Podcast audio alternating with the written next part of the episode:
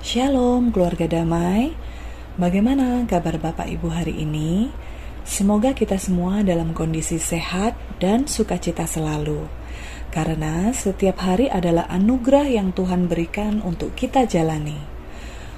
Kiranya kita senantiasa mengisi hidup ini dengan perkenanan Tuhan. Mari kita berdoa Bapa yang baik, kami sungguh bersyukur untuk hidup yang masih Tuhan anugerahkan bagi kami. Berkatilah agar kami senantiasa hidup menyenangkan-Mu. Kami mau merenungkan firman-Mu Tuhan, pimpinlah kami. Dalam nama Tuhan Yesus kami berdoa. Amin. Renungan kita pada hari ini, Rabu 14 Juni 2023, terambil dari kitab Matius 12 ayat 1 sampai 8. Renungan hari ini saya beri judul Tuhan melihat hati. Saya bacakan nats Alkitab ini Matius 12 ayat 1 sampai 8 demikian. Murid-murid memetik gandum pada hari Sabat. Pada waktu itu, pada hari Sabat, Yesus berjalan di ladang gandum karena lapar, murid-muridnya memetik bulir gandum dan memakannya. Melihat itu, berkatalah orang-orang Farisi kepadanya, "Lihat, murid-muridmu berbuat sesuatu yang tidak diperbolehkan pada hari Sabat." Tetapi jawab Yesus kepada mereka, "Tidakkah kamu baca apa yang dilakukan Daud ketika ia dan mereka yang mengikutinya lapar?" Bagaimana ia masuk ke dalam rumah Allah dan bagaimana mereka makan roti sajian yang tidak boleh dimakan, baik olehnya maupun oleh mereka yang mengikutinya, kecuali oleh imam-imam. Atau tidakkah kamu baca dalam kitab Taurat bahwa pada hari-hari Sabat, imam-imam melanggar hukum Sabat di dalam bait Allah, namun tidak bersalah? Aku berkata kepadamu, di sini ada yang melebihi bait Allah. Jika memang kamu mengerti maksud firman ini, yang ku kehendaki ialah belas kasihan dan bukan persembahan. Tentu kamu tidak menghukum orang yang tidak bersalah. Karena anak manusia adalah Tuhan atas hari sabat. Sobat Samas, Orang Farisi hanya mengutamakan hal-hal yang kelihatan, apa yang nampak dan bisa dilihat orang lain.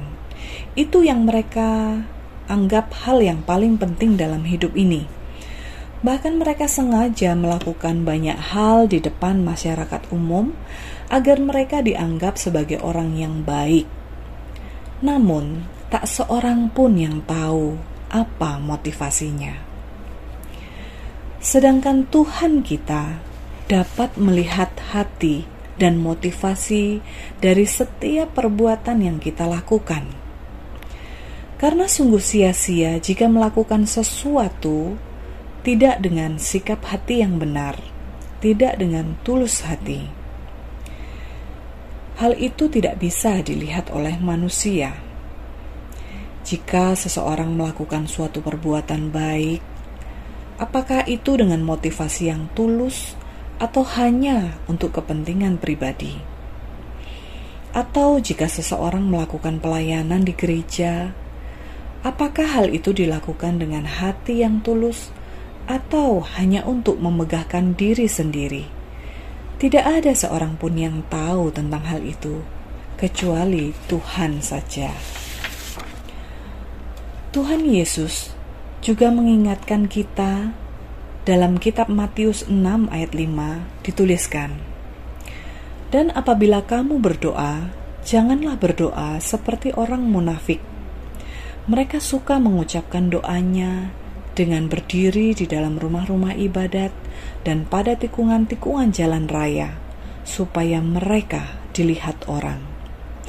Aku berkata kepadamu, sesungguhnya mereka sudah mendapat upahnya.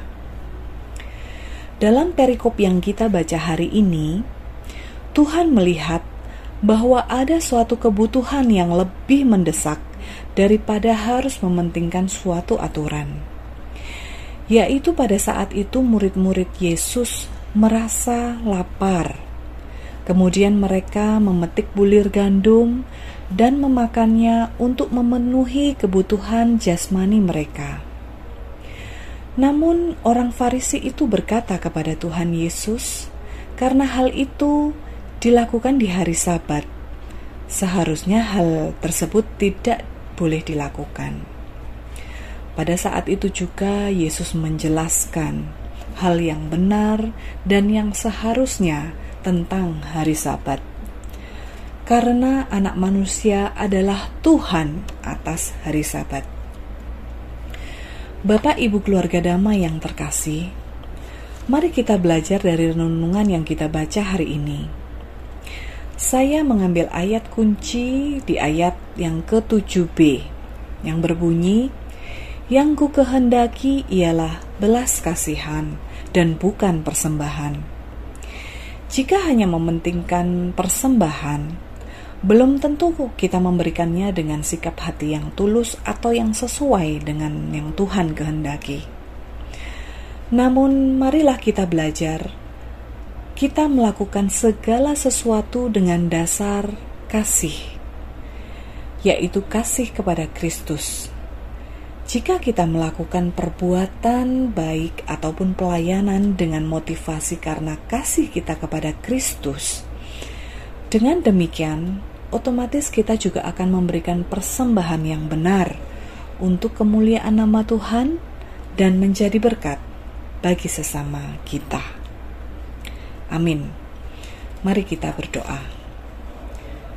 Terima kasih Tuhan Yesus untuk renungan kami pada hari ini.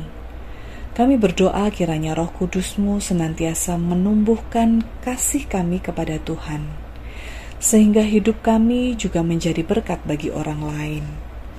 Setiap perbuatan baik dan pelayanan yang kami lakukan senantiasa dengan hati yang tulus, motivasi yang benar, dan bukan untuk kepentingan kami pribadi. Ampunilah segala dosa dan kekurangan kami ya Tuhan, dan kiranya roh kudusmu senantiasa menuntun setiap langkah hidup kami. Dalam nama Tuhan Yesus kami berdoa.